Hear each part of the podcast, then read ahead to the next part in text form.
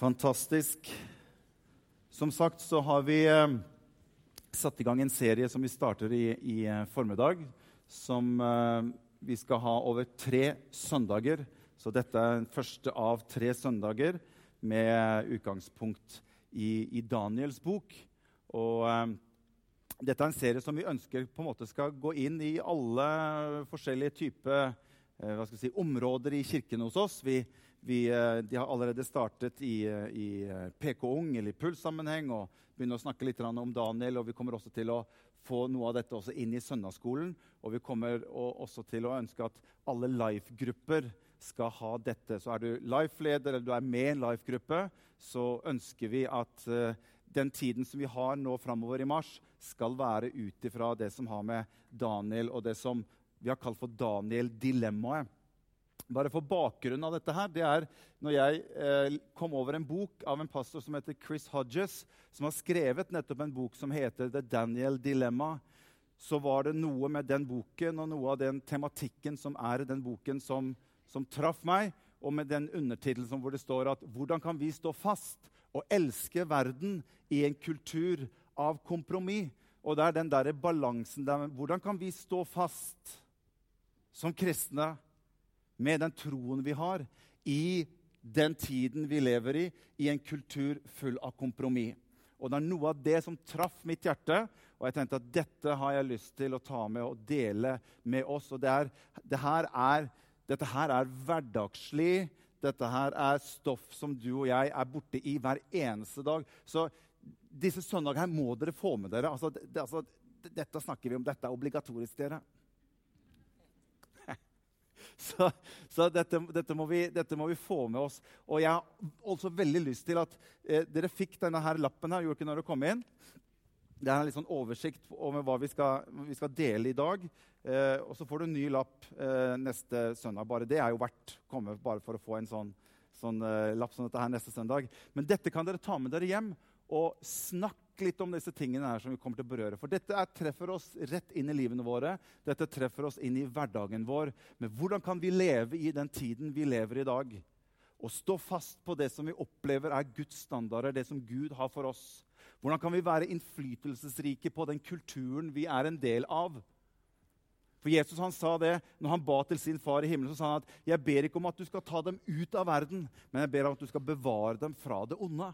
Så Jesus hadde ikke en plan som så at med en gang du og jeg tok imot Jesus, så, så var vi borte.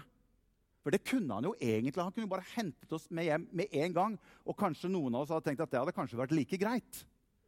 Men jeg tror Gud har ønsket at vi skal kunne leve i en tid der du og jeg er, og være en innflytelse på den tiden vi er, for andre mennesker. Og det er noe av det som er utgangspunktet i denne serien her. For jeg er helt klart så lever du og jeg i en kultur som er i stadig forandring. Vi lever i en kultur som stadig mer og mer tar avstand fra alt som har med Gud å gjøre, alt som har med Guds verdier å gjøre, alt som har med Guds standarder å gjøre. Vi lever i en tid hvor den avstanden blir større og større. Og midt oppi dette skal du og jeg leve. Det er klart det er en utfordring. Og det er noe av dette som jeg ønsker å dele litt med oss alle sammen. Hvordan kan vi leve midt oppe i dette? Og jeg tror at Hvis ikke vi er utrustet, hvis ikke vi har en forståelse av hvordan dette som har med kultur å gjøre, hvis ikke vi er forberedt på noe av dette, her, så har kulturen en tendens til at den sniker seg på innsiden i livene våre. Og vi kan lett bli bare skylt med av den tid og den kultur og den standard som kulturen prøver å legge inn over våre liv. Så vi er nødt til å være klar over disse tingene, men vi er nødt til å møte den på en en god måte. Og det er noe av det som jeg ønsker å dele med dere disse tre søndagene. Er dere med om det? Bra. Eh, litt sånn kort fortalt om Daniels bok. Eh, vi tar utgangspunkt i Daniels bok. Daniels bok består jo av tolv kapitler. Og Daniel er egentlig delt i to, fordi at de første seks kapitlene i Daniels bok er jo egentlig ren historie. Og de siste seks kapitlene i Daniels bok det er åpenbaring om tider som skal komme, eller endens tid. Så i Det gamle testamentet så har vi én bok om de siste dager, og det er Daniels bok. I Det nye testamentet så har vi Johannes' åpenbaring. Og kanskje en søndag forklare litt om sammenslåingen mellom Daniels bok og Johannes' åpenbaringer. For her er det en del spennende stoff som linkes opp imot hverandre. mellom da. Men det skal vi ikke komme inn på da, for det er en helt annen historie. Men det som er litt interessant å se, det er at Daniels bok den ligger blant profetene i Det gamle testamentet. For husk på at Det gamle testamentet det er ikke lagt opp kronologisk. Gamle testamentet er ikke skrevet slik at når det skjedde, så blir det skrevet. Og det er slik du leser Bibelen fra første Mosebok og utover. Gamle testamentet er lagt inn i en slags form for type bøker som er satt sammen. Så Du har måte, du har loven, du har Moseloven, og så kommer det historiske bøker. og Så kommer du inn i de poetiske bøkene, og så kommer du inn i profetene. Og iblant de profetiske bøkene så ligger Daniel, men Daniel består også av en del historie. Og jeg tror kanskje at Guds ånd lager Daniels bok for å legge den midt i det profetiske, for å vise oss at historie er profetisk. Vi lever i høyprofetiske tider. Og jeg tror at Daniels historie nettopp ligger der for å prøve å vise deg og meg at det er mulig å leve i en kultur som er destruktiv, men samtidig ikke la den kulturen få lov til å styre deg og meg, og samtidig ha en innflytelse på den kulturen som vi lever i. Og det er et kjempepoeng som jeg vil at du og jeg skal få med oss med en gang. For jeg tror noen ganger så har vi som kristne hatt tendens til at vi heller mer vi vi trekker oss tilbake, vi skjuler oss litt, vi gjemmer oss litt inne på lokalet. Og så blir vi litt sånn Vi blir litt, vi blir litt redd på en måte det som foregår der ute i, i den sangen som vi sang i gamle dager, i neonlysets glans. alle farene der ute. Her er det trygt og godt. Men der ute, der må du ikke finne på å gå, for der er det farlig. Og hvis den avstanden der blir veldig stor, hva er det som skjer? Jo, det eneste som skjer, er at vi blir oss, og de blir de. Men Gud legger denne historien midt inne i de profetiske bøker som en profetisk hilsen til sitt folk. At selv om Israel var tatt til fangenskap og ført i eksil inne i Babylon på den tiden der, som er kanskje dagens Irak, som er 150 mil unna Jerusalem, så viser Daniels historie at du og jeg vi kan leve midt inne i en ugudelig kultur og samtidig oppleve at vi kan få lov til å være med og påvirke påvirke kulturen istedenfor at kulturen skal påvirke oss. Gud har kalt oss til noe mer enn å sitte og være redd inne på et lokale. Men Gud har kalt oss til å være salt og være lys ut i vårt liv og i vår hverdag og i den verden som du og jeg har rundt oss. Og det er det historien om Daniel gjelder. Det er det den handler om. Den handler om hvordan du og jeg kan leve midt i en destruktiv kultur og være innflytelsesrik midt inne i kulturen. Men da må vi vite litt hva som skjer. Og da tenker jeg, da må vi også vite litt hvordan vi kan møte kulturen vår på en god måte. Henger du med? Så når du studerer Daniel sitt liv, så vil du se at Daniel han må faktisk navigere med sin jødiske tro midt i en veldig ugudelig kultur. Men Daniel han har faktisk en utrolig stor suksess med det han gjør midt i Babylon. Neste søndag så kommer jeg til å fortelle litt om bakgrunnen som gjør at Israel havner i eksil eller i fangenskap i, i, i Babylon. Og vi kommer til å snakke litt mer om hvordan Bibelen definerer dette som har med Babylon å gjøre. Bibelen snakker faktisk ganske mye om Babylon. Så neste søndag det må du, det må du kan jeg anbefale.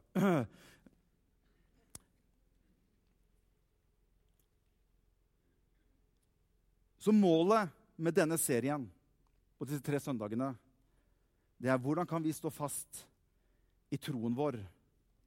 Og hvordan kan vi samtidig elske verden i en ugudelig kultur? Så det er tre punkter ut ifra starten av Daniel, som vi skal lese sammen nå. Det er tre punkter som ønsker bare å vise deg og meg, å, som du kan ta med deg videre. Vi skal gå inn i Daniels bok. Vi skal gå til kapittel 1, og så skal vi lese fra vers 1 sammen. Der står det i det tredje året Joakim var konge i Juda, kom Nebukadnesar, kongen i Babel, til Jerusalem og beleiret byen.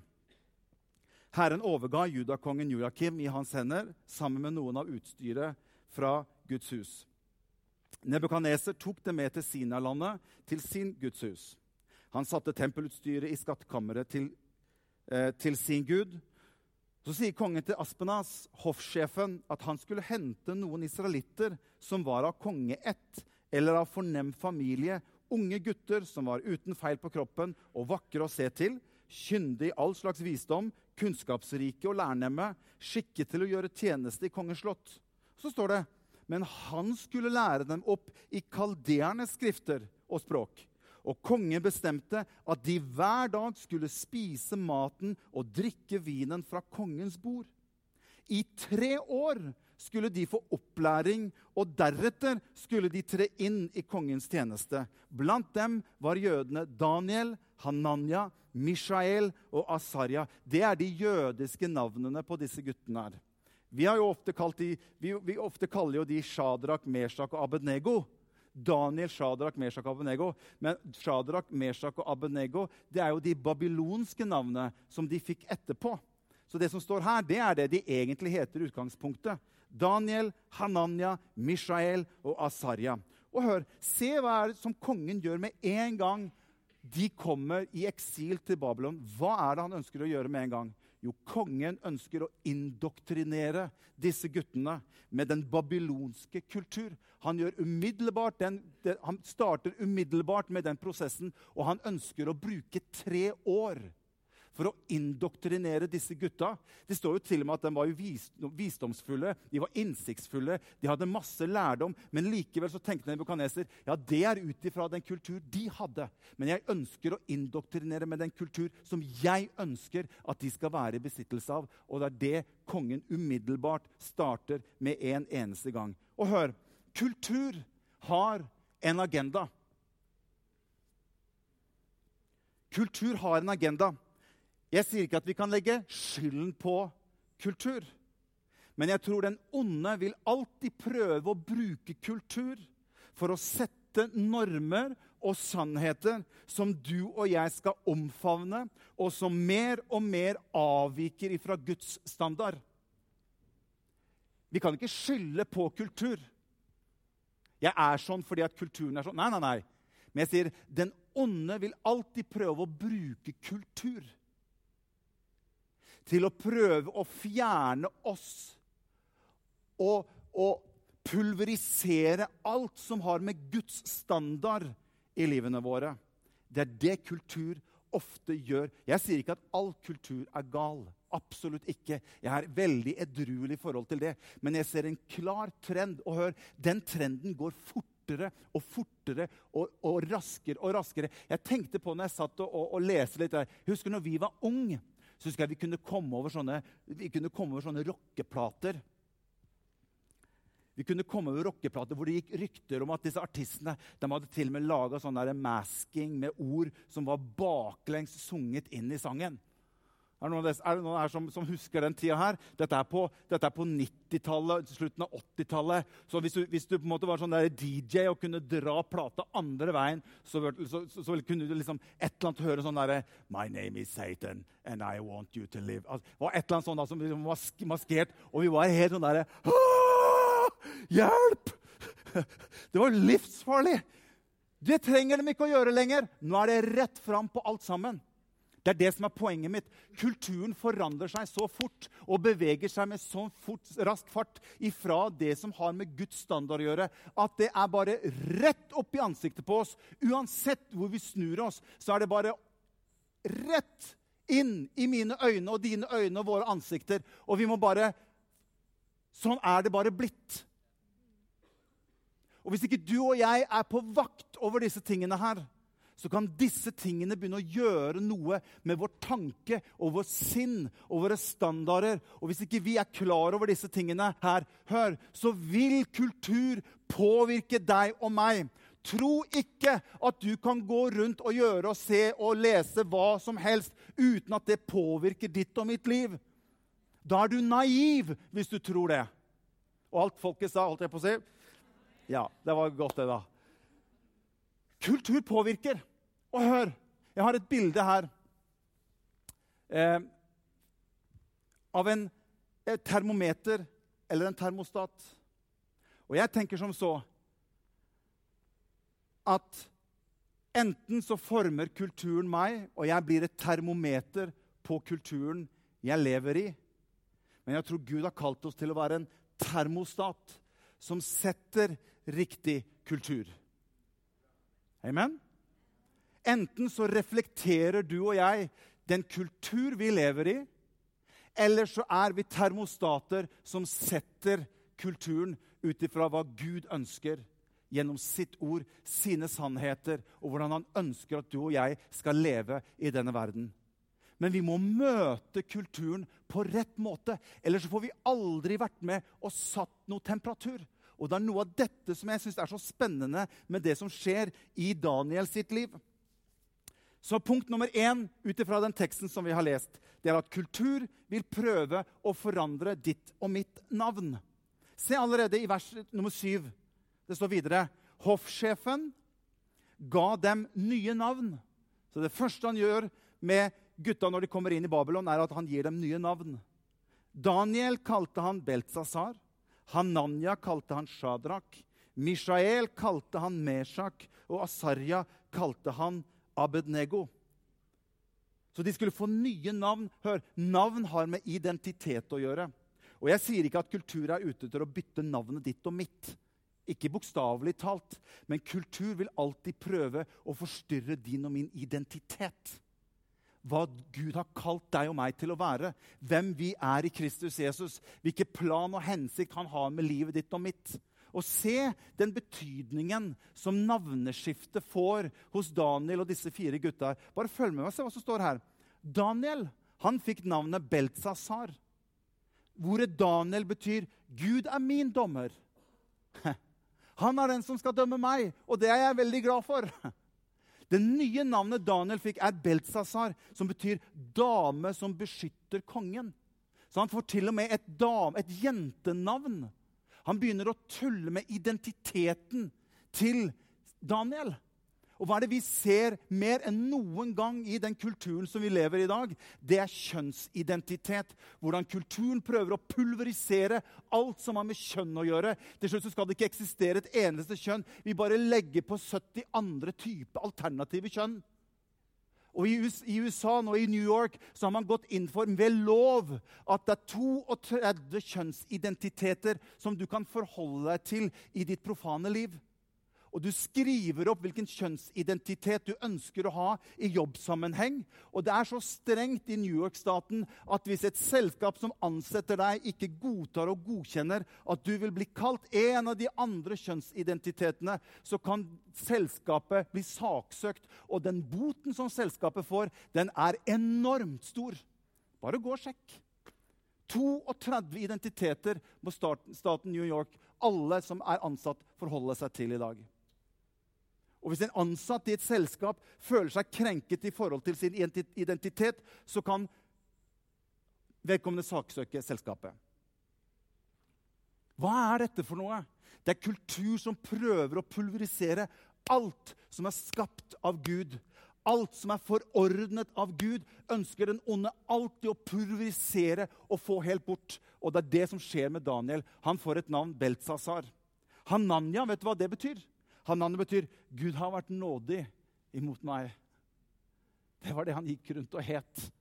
Han fikk et nytt navn, Shadrach. Vet du hva det betyr? Jeg er redd for Gud. Mishael, hans navn betydde 'Hvem er som Gud?' Hvem er som min Gud? Han er sterk, han. Han er den beste, han er den største. Han fikk nytt navn, Meshak, som betyr foraktet og ydmyket. Og Asarja betyr 'Gud er min hjelper'. Han har vært med meg, han har hjulpet meg, og han er alltid med meg. Og han fikk et nytt navn, Abednego, som betyr tjener eller slave av Nebos. Vet du, vet du hva ditt navn betyr? Er det noen av dere som vet hva Jeg, jeg sjekka opp, opp, det med, med, mitt navn.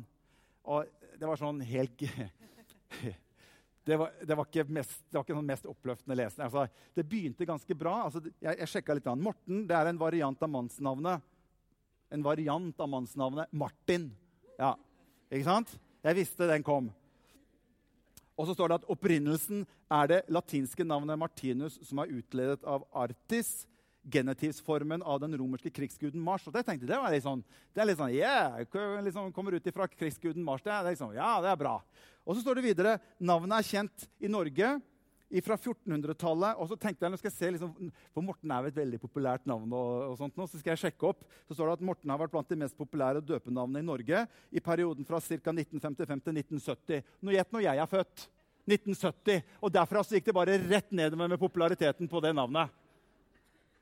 Og så tenkte jeg ok, jeg må sjekke litt navnet Morten i, i, i litterær sammenheng. For det er litt kult. vet du, hvis du kan liksom, ja, Så står det her I Ulsteinkloster-triologien Alfred Hauge så får munkene besøk av en broder, Morten. Og det tenker jeg, det er jo bra. Men de oppdager etter hvert at de har misforstått navnet til gjesten som egentlig nok het mortem med M, som betyr, eh, som betyr død på latin. Og brakte med seg svartedauden. Det ble jo bare enda verre. Hva, hva, skjer her? Er det ingenting liksom, i navnet mitt som Jeg tenker liksom, mamma og pappa, Hvorfor må dere kalle meg Morten? liksom? Og så kommer det helt til slutt liksom Mortens betydning i litterær sammenheng. Morten Minstemann er kjent fra 'Mormor og de åtte ungene' av Anne-Kat. Vestli. Det er det jeg greier å få ut av navnet mitt. Og hør, Jeg ble jo kalt for Morten Minstemann da jeg var liten. Morten Minstemann. Men hør, det fins en slags form for identitet i navnet ditt. Og jeg er så glad for at det er ikke kulturen rundt meg som skal definere hvem jeg er, men jeg har en Gud som definerer hvem jeg er. Og han er ikke ute etter å bytte navnet på meg, for han har kalt meg ved navn. Du er min, Morten. Og han har kalt deg med navn. Du er hans. Han trenger ikke å bytte noe navn på deg, men du er hans. Du er kalt ved navn. Du tilhører Jesus. Og det er han som skal være identiteten i min liv. Det er han som skal vise meg hvem jeg er. Og jeg trenger ikke å få en bekreftelse fra kulturen rundt meg for å vise en verdi på hvem jeg er eller ikke er. Han har kalt meg ved navn. Jeg er hans. Han er min hjelper. Han er min Gud. Han er min dommer. Det er min identitet. Men, men Nebukadneser ønsket å gjøre noe med navnene til disse gutta. Når kultur forandrer seg, så må vi vite hvem vi er. Punkt nummer to. Kultur vil prøve å forandre dine og mine standarder. Følg med. Hør hva jeg sier. Kultur vil alltid prøve å forandre dine og mine standarder. Det som ikke var greit før, er nå greit. Det som vi ikke kunne være med på tidligere, det er innafor nå. Og denne spenningen her er viktig at du og jeg har et, har et, et åpent hjerte innenfor Gud og hva Hans ord sier. Se hva som skjer videre med Daniel og disse her. Se fra vers 8. Daniel bestemte seg for at han ikke ville gjøre seg uren med maten og vinen fra kongens bord. Og så gjør Daniel noe som jeg syns er, er, er, imponerende og genialt. Han går til hoffsjefen og sier, 'Ikke snakk om at jeg kommer til å fire på mine standarder.' Jeg, jeg kommer bare ikke til å gjøre det. Hvordan når Daniel inn til hoffsjefen? Det står først at Daniel bestemte seg. Det gjorde han. Han hadde en standard i utgangspunktet, men han går til hoffsjefen. Og så sier han til hoffsjefen Han ba hoffsjefen om å få slippe å gjøre seg uren. Og det gjorde noe i hjertet til hoffsjefen. Som hadde egentlig makt til å få han til å gjøre det. Men det var noe som skjedde i den kommunikasjonen med Daniel opp imot hoffsjefen. Han gikk til hoffsjefen vet du hva? i forhold til hva mine standarder er i forhold til vår religion, så, så ønsker ikke jeg, jeg, jeg, ønsker ikke å spise den maten, for den maten var jo ofret til avguder i utgangspunktet. Jeg, jeg, har ikke lyst til å, å, å for I forhold til min standard så gjør det meg uren. Er det ok at vi kan få lov til å slippe det? Hva tror du skjer i hjertet til hoffsjefen? Han, han når inn med et ønske.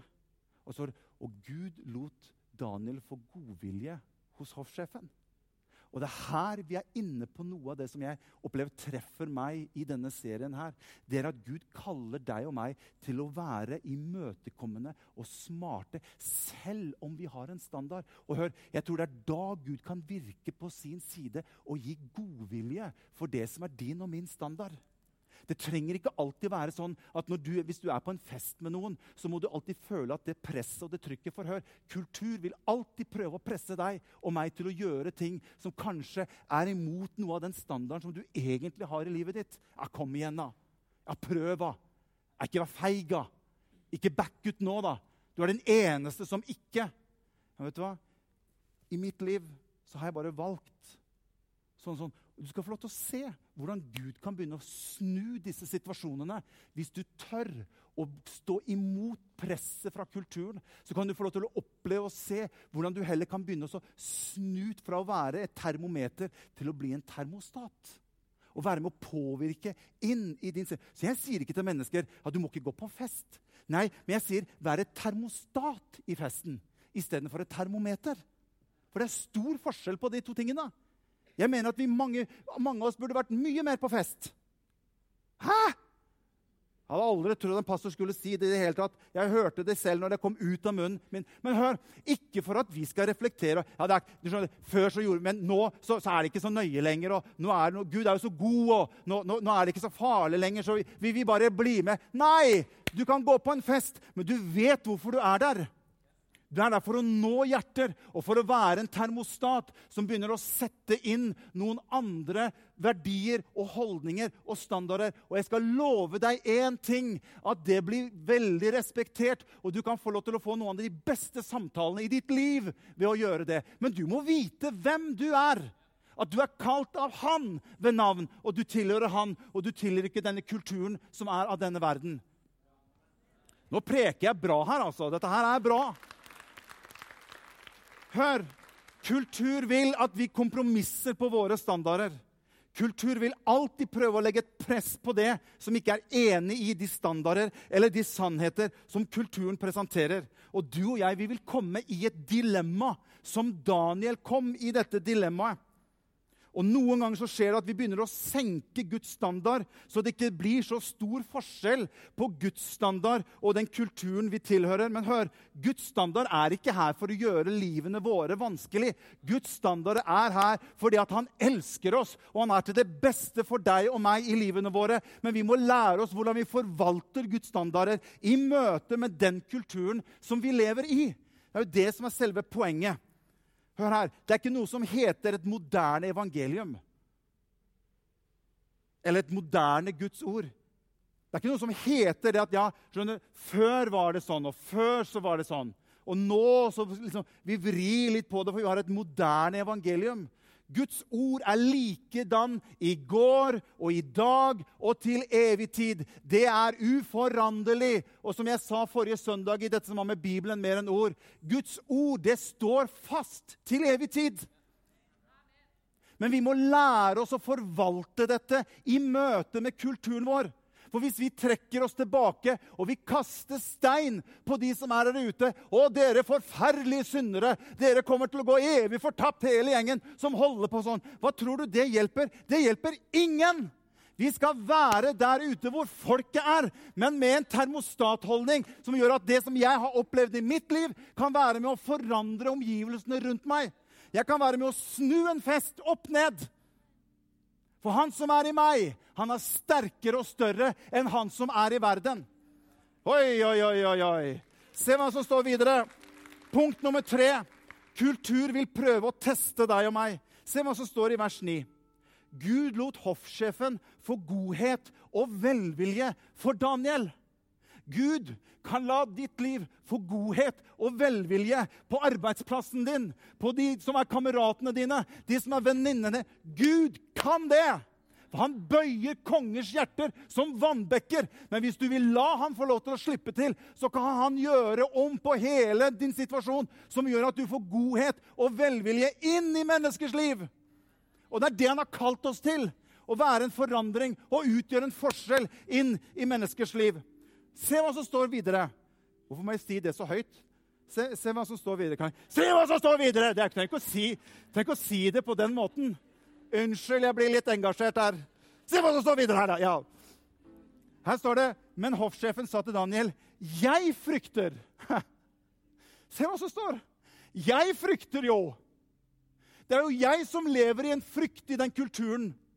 Jeg går jo rundt og er nervøs for alt dette her.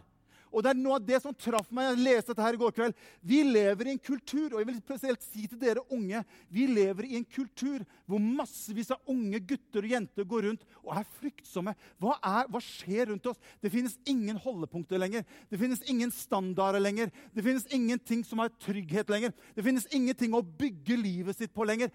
Alt bare flyter. Og hør, det skaper frykt i menneskers liv. Hva skjer? Hva skjer med meg? Er det ingenting som er fast lenger? Er det ingenting jeg kan forholde meg til lenger? Og hør, Det er jo her vi har en mulighet i, i tiden i dag til å være salt og lys. Og det er det Gud har kalt oss til. Jeg frykter at min Herre, som har bestemt hva dere skal spise og drikke, skal synes at dere ikke ser så friske ut som de andre guttene på deres alder. Og da har dere satt livet mitt i fare hos kongen. Men Daniel han svarer interessant tilbake i vers 10. Daniel sa til oppsynsmannen, som hoffsjefen hadde satt over Daniel, Hananya, Mishael og Asaria, prøv tjenerne dine, da. Prøv oss. Gi oss grønnsaker å spise og vann å drikke. Så kan du sammenligne vårt utseende med de unge guttene som spiser av maten fra kongens bord. Og behandle tjenerne dine ut ifra det du ser. Det vil synes på deg hvor du og jeg henter i livene våre. Inn i kameratgjengen, inn i venninnegjengen, hvor alt bare flyter. Det vil synes på deg. Tørr å bli stående, og du skal få se. Hva er det med deg? Hva, hva, hva, hva er det du har? Jeg lengter etter noe mer i livet mitt enn at bare det som er på front enn på utsiden, skal være det eneste vi forholder oss til. Vi har jo mistet kontakt med det indre livet mennesket totalt. Og det er likes på media som er nesten det som driver mest mennesker nå. Og man forandrer på det ene og det andre. Og ja. Jeg skal gå videre her. Når kultur endres, må vi respondere på rett måte. Og hør, jeg har skrevet opp her to grøfter for jeg tror at vi kan gå i to grøfter i dette, til det ekstreme på hver side.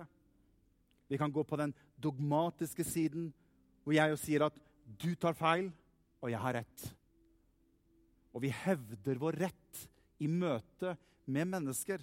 Jeg bryr meg egentlig ikke så veldig mye om de, men jeg bare vet at jeg har rett. Men hør, Gud har ikke kalt deg og meg i første omgang til å ha rett. Men han har kalt oss til å nå hjerter. Og Så kan vi gå i den andre grøften, hvor vi blir så runde i kjærlighetens navn. At alt er OK. Alt er greit, og vi gir nesten en følelse av at vi er jo mer glad i mennesker enn det Gud er. Men Gud elsker mennesket så høyt at han ga oss noen standarder og kjøreregler som er det, til det beste for mennesket. Vi kan ikke bare flytte rundt på Guds standarder som det passer oss. Da trenger jeg jo ikke noen Gud. Vi kan ikke bare flytte rundt på Hans ord som det behager oss. Hans ord er sannhet, og det er sannheten som setter mennesker fri i Jesu navn. Men jeg tror det fins en balanse her. Og Det er derfor du så på der, det bildet med denne vekta som har et hjerte på den ene siden og Guds ord på den andre siden. Så kan du si ja, men er, ikke det, er, er det ikke kjærlighet i Guds ord? Jo da, absolutt. Men vekten er selve et bilde på Jesus. Og hvis du leser Johannes kapittel 1 og vers 14, så står det Og ordet ble menneske og tok bolig iblant oss. Og vi så hans herlighet, en herlighet som den enbårne sønn har fra sin far. Så står det full av nåde og sannhet. Men legg merke til at nåde kommer først. Så følger sannhet. Det står ikke 'sannhet og nåde'. Men vi har hatt en tendens til som kristne at vi ender i enten-eller av disse grøftene. Enten så blir det bare sannhet, og vi må stå for sannheten, dere. Ja, vi må stå for sannheten. Men Jesus han balanserte dette, som du ser også i Daniel sitt liv. han balanserte dette med nåde og sannhet. Og Det er det som jeg ønsker av disse søndagene at vi skal være med på. Nåde først, hør, vil åpne menneskers hjerter. Og så kan Guds sannhet komme til å sette mennesket fri. Er du med? Uten sannhet blir vi verdslige. Men uten nåde blir vi dømmende. Sannhet uten nåde, det blir lovisk. Men hør nåde og sannhet det gir liv. Nåden inviterer mennesket til å bli fri, men det er sannheten som setter mennesket fri. Vi skal gå til det siste verset. Kan vi hoppe over det siste, nest siste verset? Edvard, så går vi bare på den siste. Kan vi ikke reise oss opp, alle sammen? For Jeg tror at Jesus er den som er mesteren på å balansere. Derfor har jeg kalt denne søndagen her Bare heng med meg litt til. Heng med meg.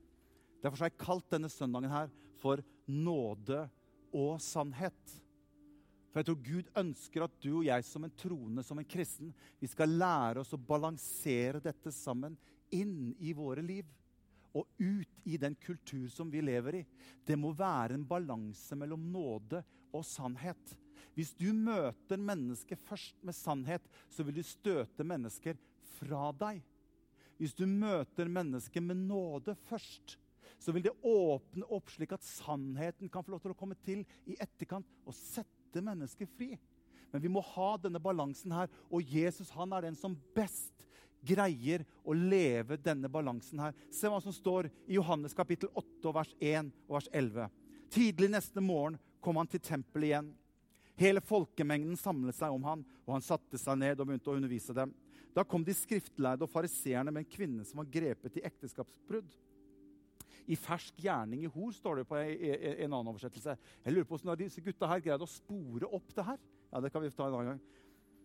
De førte henne fram og sa, 'Mester, denne kvinnen nei, her står det jo, er grepet på fersk gjerning i ekteskapsbrudd.'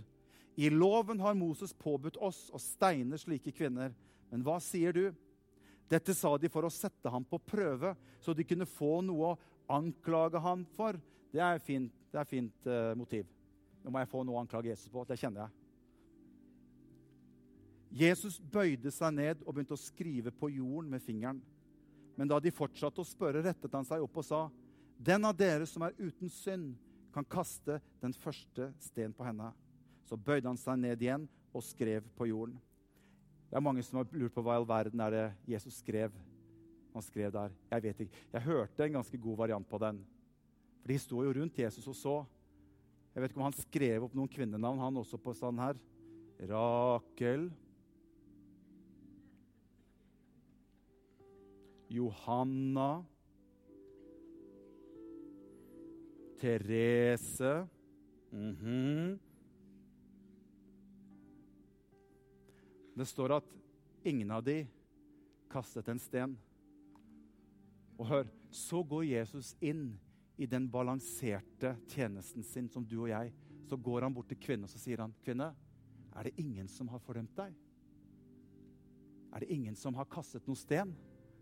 'Nei', sier hun. Så sier Jesus til kvinnen, 'Kvinne, ikke jeg heller fordømmer deg.' Hva er det for noe?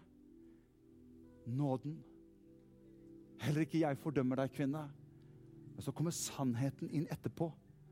Gå bort og synd ikke mer. Han nådde hjertet til kvinnen først, og så kom han med sannheten til henne etterpå.